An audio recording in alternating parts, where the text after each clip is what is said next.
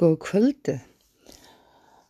Uh, mér datt í hug að deila hérna, ástminni á skrifstofuvörum, pennum, litum, blöðum, bókum og svona einhverju til þess að skrifa með.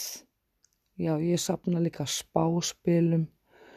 Ég sapnaði spilastokkum og liklakippum og kertum og kertastjökum hérna einu sinni föndri allavega bútum og perlum og einhverjum gamlum skartgripum og ég veit ekki hvað og hvað.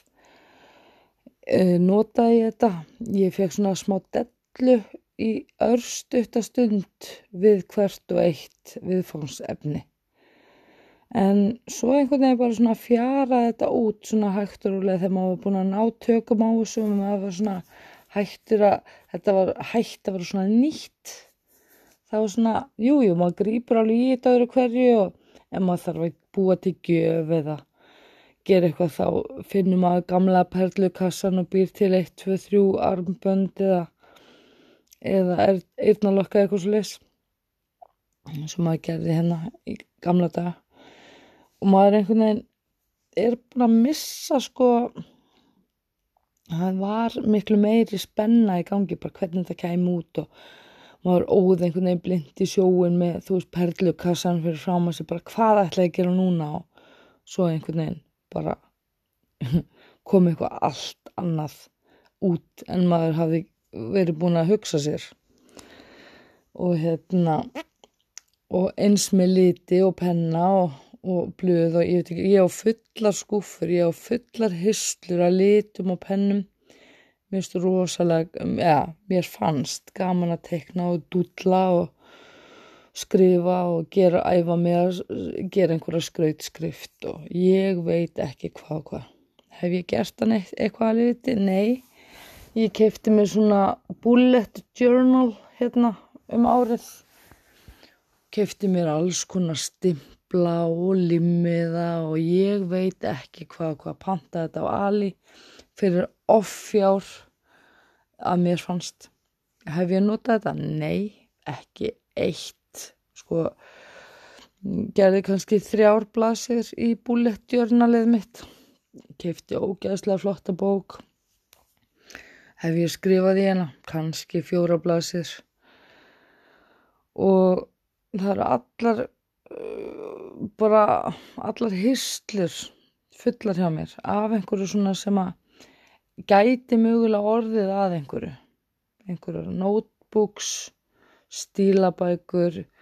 Ég er algjör sko hordir þegar kemur á svona skólabókum. Þú veist ég fer í góða hyrðin og kaupi skólabækur. Þá er ég að tala um líffræði, félagsfræði, sálfræði. Opnaði þetta ekkert? Nei. Ég gefi þetta áfram óopnað eftir svona þrjú ár þú veist, maður er einhvern veginn alltaf að fara að gera eitthvað og svo glemist það. Eða þá fer svona overboard í því. Ég fór einhvern tíman í einhverja búð og það var svona listsýning í andirinu á þessari búð. Og þarna var ofsalega fallegt málverk svona mínimalist þetta var bara kvítt svona risastórt málverk og nokkra svona svartar greinar á stryganum svona málaðar svona með fínum línum og út úr svona á þrejum fjórum stöðum á greinunum öllu trénu brutust út svona marglit blöð ofsalega flott og hnit miðað málverk.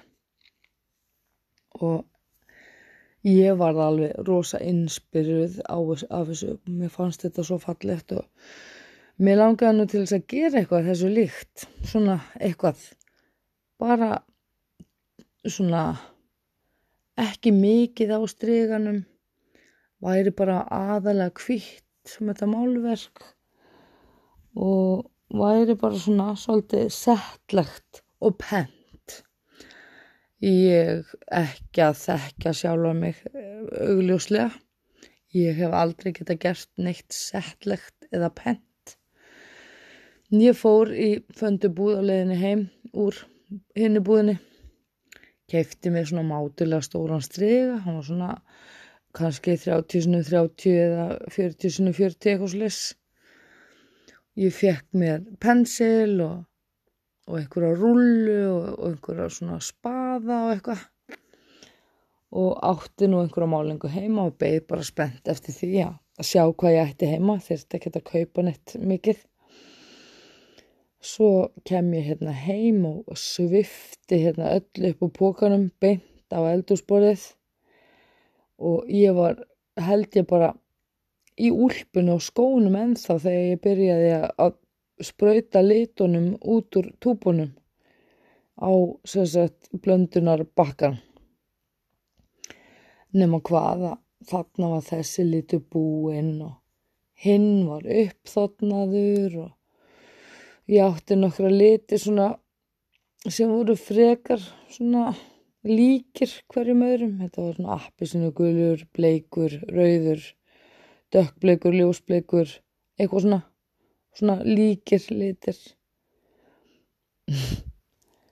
Ég fór hérna hamförum yfir stríðan Ég ætlaði sko að gera mínimalist málverk, segja til. ég bara ránkaði við mér. Eftir hamfarina bara ennþá í úlpunni og skónum og bara út í fötunum og líkuði með trefilinn á utanum hálsinn og hafði notað hérna alla bleikulitina og all, allt glimmerið og ég veit ekki hvað og hvað voru fjadrir og eitthvað svona drasl perlur og, og sull. Það var eitthvað svona hvítt efni sem að maður gæti svona hrúað á strygan þannig að það gerði svona misjafna áferð. Eitthvað, ég man ekki hvað heitir þetta er svona eins og spastlið eitthvað og var búin að hrúa því hérna einhverstaðir í einhvern fjallgarð hérna á mitt málverkið og frummyndin það sem inspæraði mig til þess að gera þetta, þannan óskapnað sem að ég var búin að gera uh, var ekki, það var ekki eitt bleikt stryk á þeim, á því málverki. Var nokkur svört stryk og svo svona frumlítir, gulur og rauður, þú veist, og blár. Og, og svörstum og hvítum grunni eiginlega. Mjög svona hnitmiðað, úthugsað. Það var ekki einni línu of aukið í þeirri sagt, á því málurki ég kom heimið mitt og bara fjall í trans og bara sko listagiðjan hún, hún bara ældi yfir stregan hjá mér. Ég þetta var ekki mér að kenna. Ég, ég lofa. Og hérna og úr því var þessi glimmer skreitti bleiki ofsa kláði einhver sem að bara var algjörlega, það var ekki einn hvítur punktur eftir á streganum, ekki einn. Ekki einu svona sko á, á í aðrinum og þetta, þessu var sko, það var springlað yfir þetta einhverju gildu glimmeri og þetta var bleikt og þetta var alls konar raukt og gullt og einhvern veginn ljósbleikt og þetta var í voða mikið af, af bleikum tónum. Það var þarna eitthvað, eitthvað pínulítið blátt þarna með. Og í lengi hafa hvítur svartur bleikur og blár verið uppáhaldslitruminn og svona turkisblár svolítið svona meira út í það svona einhverjir svona blandaðir bláir litur og þetta var allt annað en það þetta passaði ekkert saman veit ekkert engin hvað er á þessari mynd. Ein vinkunum minn hún tólkaði einhver, þrjú tippi hérna standandi. Akkurat Na, það var bara hennar tólkun ekki mín.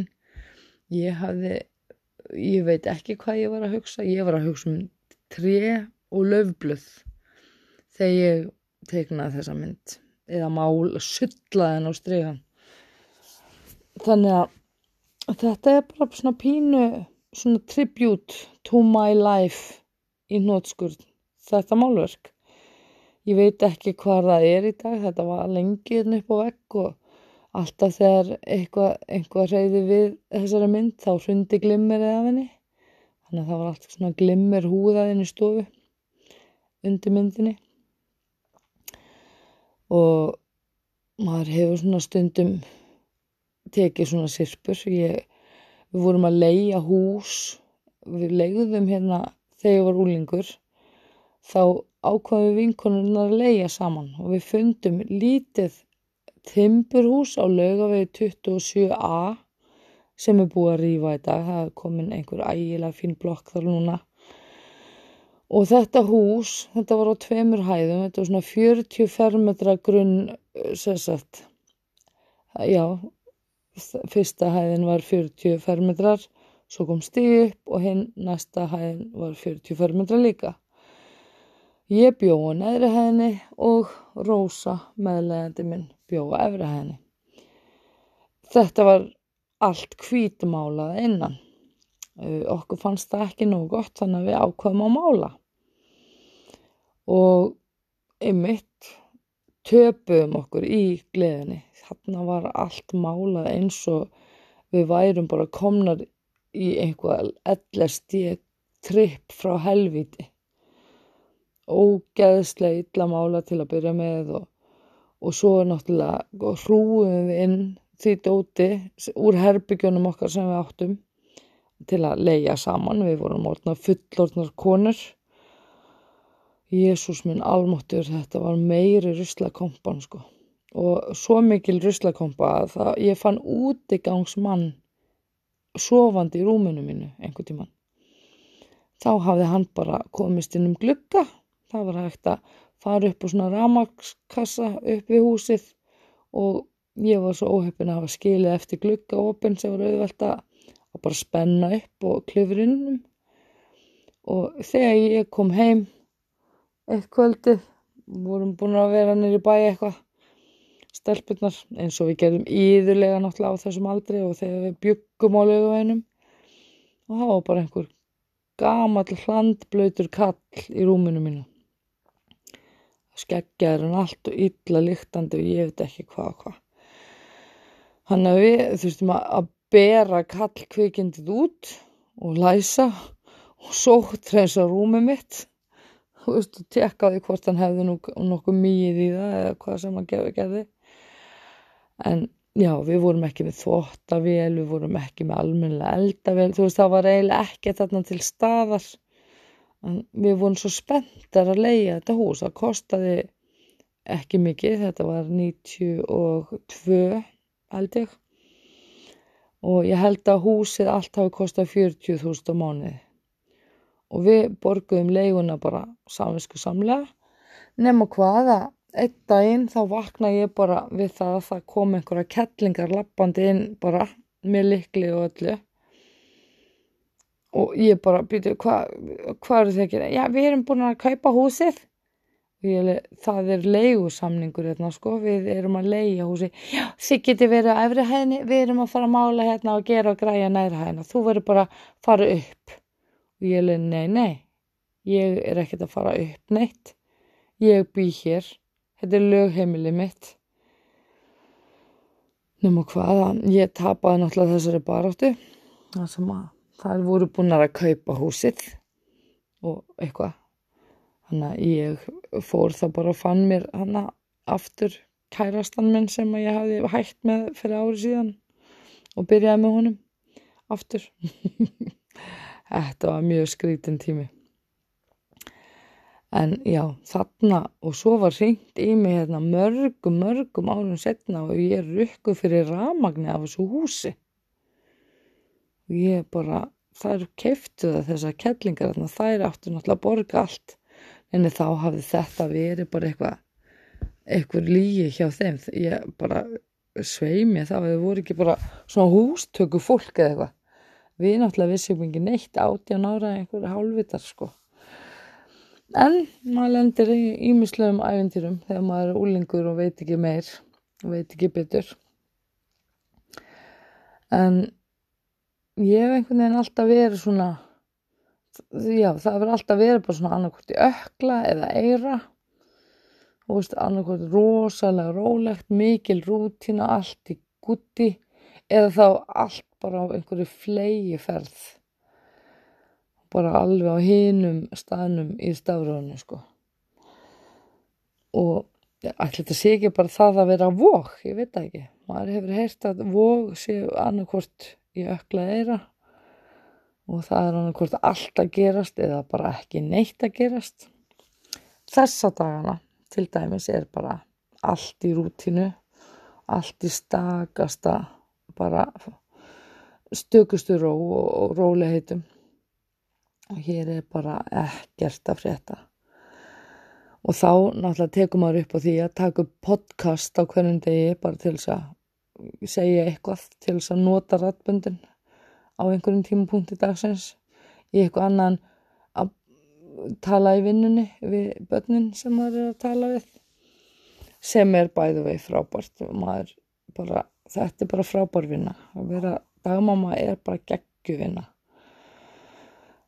og sérstaklega þú veist það eru margir sem að tala um það að þeim gætu þetta aldrei sko það er smá munur að vera sérstaklega dagmamma eða að vinna í leikskóla.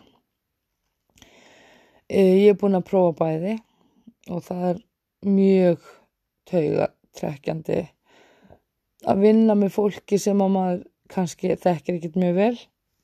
Hefur alltaf annað aðra aðferðir en maður sjálfur.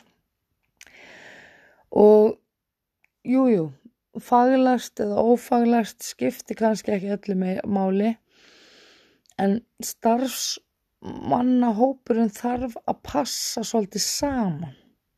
Það þurft að vera tekið inn í svona ráningar að, að fólkið sem er að vinna undir sama þaki passi saman. Af því að þar er yfirleitt vandamálið í svona starfshópum, starfsmannahópum. Það er eitthvað, eitthvað fólk það passar ekki nóg vel saman það hefur ólíkar hugmyndir það er alltaf öðru sér bakgrunnur. Þannig að það er svona einhvað einhverju áreikstrar hugmyndalegir, hugmyndafræðilegir. Eins og kona sem að vinnur á leikskóla hefur aldrei eignar spöld en veit allt um barnauppeldi hún er búin að gangi í háskóla að læra mannauðsstjórnun. Og hún fær strax herra kaup heldur að manneska sem er unni í 20 ár á sömu deildinni. Veit nákvæmlega hvað hann er að gera búin að skapa alla rútínu hana og einhvern veginn. Veit meira heldur en leikskólastjórun nokkuð tíman samt er hún bara ófælarð eblingar drusla en svo kemur þessi nýja mannuði stjórin sem að veit ógæðslega mikið 25 ára er með herra kaupin hún og hefur meira um allt að segja en þessi kona sem hefur unni hérna í 20 ár og hefur í rauninni bara á herðum sér allt skipulag á öllu sem að tilherir þessum skóla. Þarna er þetta svolítið svona ávísuna áreikstra að því að reynslan hún skiptir yfirleitt svolítið meira máli heldur en þegar einhver 25 ára kemur af götunni beint úr háskólanum með glósubókin undir hendina og bara já já e, nú ætlum við að fara að vinna með þetta mótel og, og svo veit manneskan ekki neitt nema það sem hún hefur gert verkefnum í háskólanum. Svo frekar frústrarandi já og það að vinna í leikskóla eða að vera sjálfsins herra dagmama, það er bara töfvend ólíkt.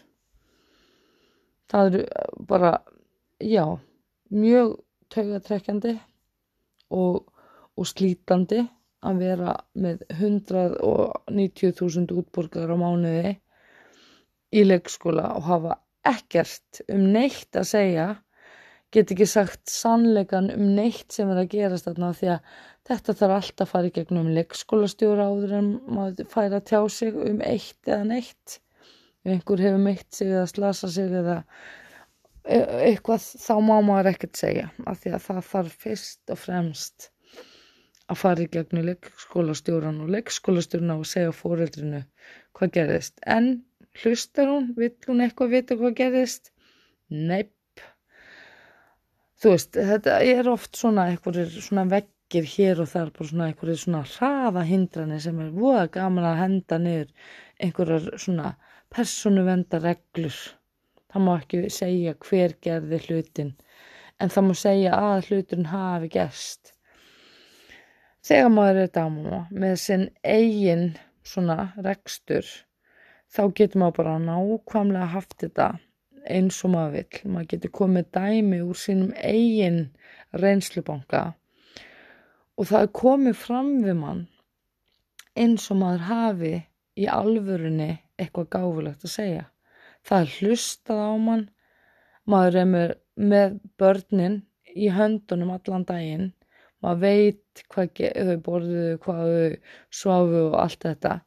Á meðan manneskja með barn í leikskóla gæslu kemur inn á lókunavakt og lókunavaktin er ekki einu svoni hefur ekki einu svoni hugmyndum hvað barnið heitir eða hvað það gerði að deginum bara ekki neitt, veit ekki hvað það fötta á veit ekkert hvort það gerðist eitthvað fyrir barnið eða neitt að því að sagt, vaktin á deildinu hún er farin. Það eru bara tvær manneskjur á einhverju random deild á lókunavakt sem að vita ekkert um barnið.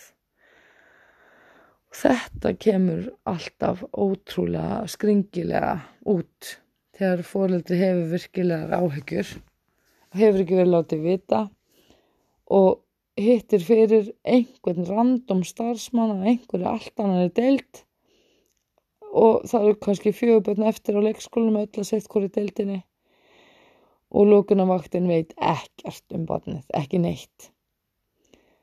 Þegar maður er damúma þá veit maður nákvæmlega hvað barnið hefur verið að gera allan daginn, alltaf, hvert einast augnablík. Maður getur rakið rútínuna bara svaf þetta lengi, borða þetta mikið rópaði þarna, rakvið þarna skilur, það er bara allt á hreinu. Þannig að heimin og haf á milli þess að vera að passa einn eða þú veist við erum tvær saman. Og við erum bara mjög samtaka. Við náttúrulega völdum að vinna saman. Erum búin að hanna húsnaði að okkar þörfum og hvernig við viljum hafa þetta, okkar smekkur ræður. Þannig er enginn sem að kemur og er að benda á það að við séum ófaglarðar eða við vitum ekki neitt að persónu venda lög gilda í þessu tilfelli, það má ekki segja þetta og má ekki segja þetta. Okkur byrja enginn skilda að hlusta á eitthvað svolis við setjum okkar reglur sem dagmaður en þegar ég var að vinna á leikskóla þá mátti bara enginn segja neitt. Og það var bara alltaf að fara í gegnum leikskólastjóra. Síminn ringdi og það var eitthvað að vera að spurja og ég var bara að segja nei, því miður, þú verður bara að ringja þegar skólastjórun er við. Þú veist, ég mátti ekkert segja.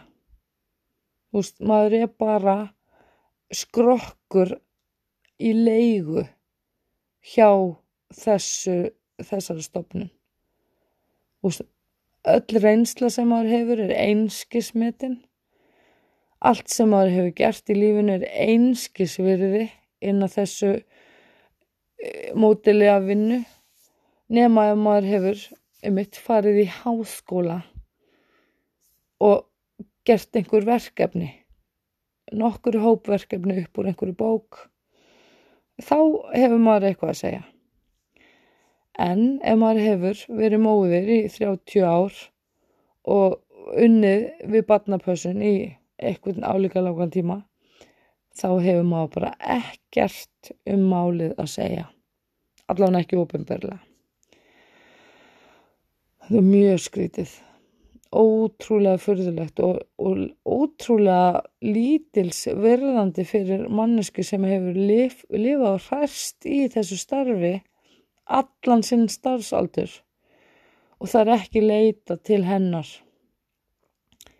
fyrir ráð. Það er leita til þess að nýjútskrifaða háskóla og stúdents sem var bara að byrja í gær í vinnunni að því að hún er manneðstjóri. Þá veit hún allt í hennu miklu meira og miklu betur hvernig á að haga deginum heldur en þessi sem hefur unni á þessum samanleikskóla í 30 ár. Eða eitthvað. Sko, mér finnst þetta alltaf jafn skrítið. Og eins og þegar er verið að ráða fólk í yfirmannstöðu sem er miklu yngra og miklu óreindara heldur en hæfasta manneskjan í fyrirtækinu sem ætti mögulega að taka við þessari yfirmannstöðu er miklu betur liðin hefur unnið hana lengur, kann miklu betur á allt sem er að gerast. Nei, nei, það er tekin einhver Jón Jónsson, nýskriðin úr HÍ og bara hann látin starfa við það að bera ábyrða á öllu sem á að gerast þarna og veit ekkert hvað er að setja. En já, þetta er mjög skrítið. Ég veit að ég byrjaði á því að tala um föndur og ást mína á skrifstofurum. Ég veit ekki hvert ég ætlaði að fara með það. það kemur kannski einhver tíma setna í einhverju úturdurnum í einhverju öðru podcasti. En hér úr allt og grúir af ónótuðum pennum og notebooksblokkum, perlum, föndurdóti málingapenslum. Ég á fulla skápa þessu sem að hafa sapnast hér í mörg ár. Er ég að fara að nota þetta? Nei, öruglega ekki. Er ég að fara að geima þetta? Já, öruglega. Er þetta að fara að taka óþára pláss? Já, mjög líklega. Tími að gefa þetta? Nei. Þetta er mjög skrítið.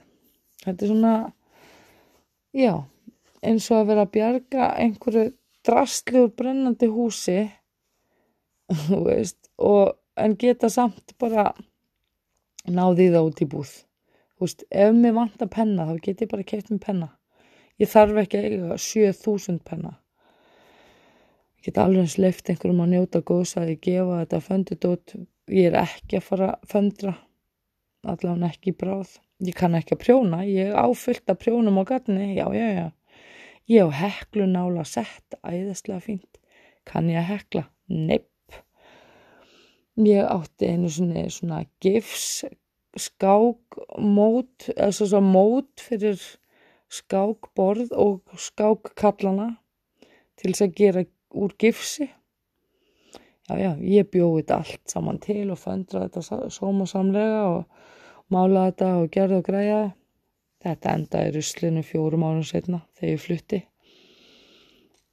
Ég átti vídeospólusapn, 400 Waf-HS vídeospólur sem ég hef búin að raða í stafrósröð. Ég hef búin að kaupa limmiða, ég hef búin að líma á þetta, sammisku samlega númer. Ég átti index, ég skrifaði í svona indexa svona möppu hvað var á hverju spólu. Þú veist, long play, short play tekið upp á stöð 2 spaceballs, eitthvað. Já, já, ég átti þetta allt saman. Hvað hva, hva er enda þetta? Í ruslinu að sjálfsögðu. Ég hef búin að kaupa sko hulstur í myndform svona svört hulstur með plasti og búin að skrappa saman einhverjar myndir til þess að setja inn í sko sem svona forsýðu eða svolítið í hulstrið bara klippa út Simpsons kallana og líma og, og líma límiða og kjöl, kjölin á hulstrinu og þetta er spóla númer 35 á þessari spólu eru Simpsons þáttur númer lalalala þú veist, rosa vandað. Þetta er bara jarðfyllingu núna, bara landfyllingu einhverstaðar í Gufinesi í dag. Og áður en maður fyrir að sapna og sapna sapna sapna ímynda þá er ég svona aðeins farin að ímynda mér hvað verður um þetta þegar ég er dauð. Verður þessu ekki bara hend á ég ekki bara stitta byðina og hendi þessu bara sjálf? Leifa öðrum að njóta, gefa? Svo margt sem að maður sér núna gefins á Facebook heilu dánabúin maður fer aðna og maður skoðar þú veist, þarna eru dýrmætu alls konar söfnin sem að einhver sapnaði þú veist, heilu ég veit ekki hvað, möppunum af serviettum eða pennum, ég sá 15.000 kúlupenna sapnum daginn. Það var til sölu. Eftir einhvern mann sem hafði sapnað kúlupennum allt sitt líf. Og hafði einhver áhuga á þessu? Nei. Það verið að reyna að selja þetta fyrir sko tíu skall þetta var æfi sapnið hans maður hefur séð svona serviettusöfn og stittusöfn og alls konar botla og glös og stell og ég veit ekki hvað og hvað bara ríkfalla ég sá ofsalega fallet stellið mitt í kólaport nei, jú, örgulega kólaportunum daginn. Og það var svo fytugt og reikfallið manneskjan sem var að selja hafði enga ræn á því að pússa það og gera það glansand og fínt en þarna var sparistellið ömmu hennar komið reikfallið búið að standa upp á einhverjum eldurskáp í einhverju steikar brælu og kannski hefur þetta stel verið nota bara á jólunum og páskunum mögulega. Verið spari, spari, spari og þarna var það bara komið bara fytugt og stamt af og svona fytu filmu bara á hundrakall hver diskur. Þú veist þetta er sorglegt sko. Alveg maður er einhvern veginn bara ímyndið segja hvað af hverju er hérna þetta orðið svona, hvað er virðingin ekki meiri? Sko amma mín hún átti sama sofasettið þanga til að sko það var farið að juggast í sundur. Ég held að ég hafa átt svona sjö sofasett bara sjálf fengiðu gefins. Já já gefiðu áfram fengið annað sofasett gefins gefið það áfram. Já herri ég ætla að koma mér sofa ég ætla að henda þessu út ég fekk það gefins skiptir ekki máli. Þú veist, svona hefur maður spænt sig í gegnum húsgögn. Að vísu ekki jafn vönduð og sofasettið hennar ömmu var. Að því að það er í rauninu allt innótað dag. Hér er ekkert verið að gera upp lengur. Það er bara því er hendi góða heyrðin sem eitthvað do it yourself dæmi eitthvað föndur project það er einhvern veginn ótrúlega leiðilegt að sjá alla þess að nýtja markaði full fulla af fínu, fínu, fínu sparistelunum hennar ömmu sem að voru sko varðveitt eins og gull inn í stofu stás glerskápnum höfð til sínis og bara tekin út á jólunum. Allt brúköpstelli sem að amma og afi höfðu fengið og verið að sapna í 30 ár. Það er bara komið einhverstar á 200 kall í góða heyrðinu. Eða hent eða bara hent í ruslið og þú veist, já, engin virðing búin fyrir hlutunum nema að sé náttúrulega eittala límið að því, auðvitað. þá er búin virðing fyrir því. Klína eittala límið á, á stótt er ekki bara rand over? Eða töð eða er maður ronin miðnöldra eins og ég sá hana í einhverju grúpu. Ég er miðnöldra. En ég segi bara þetta er gott í bíli góða nótt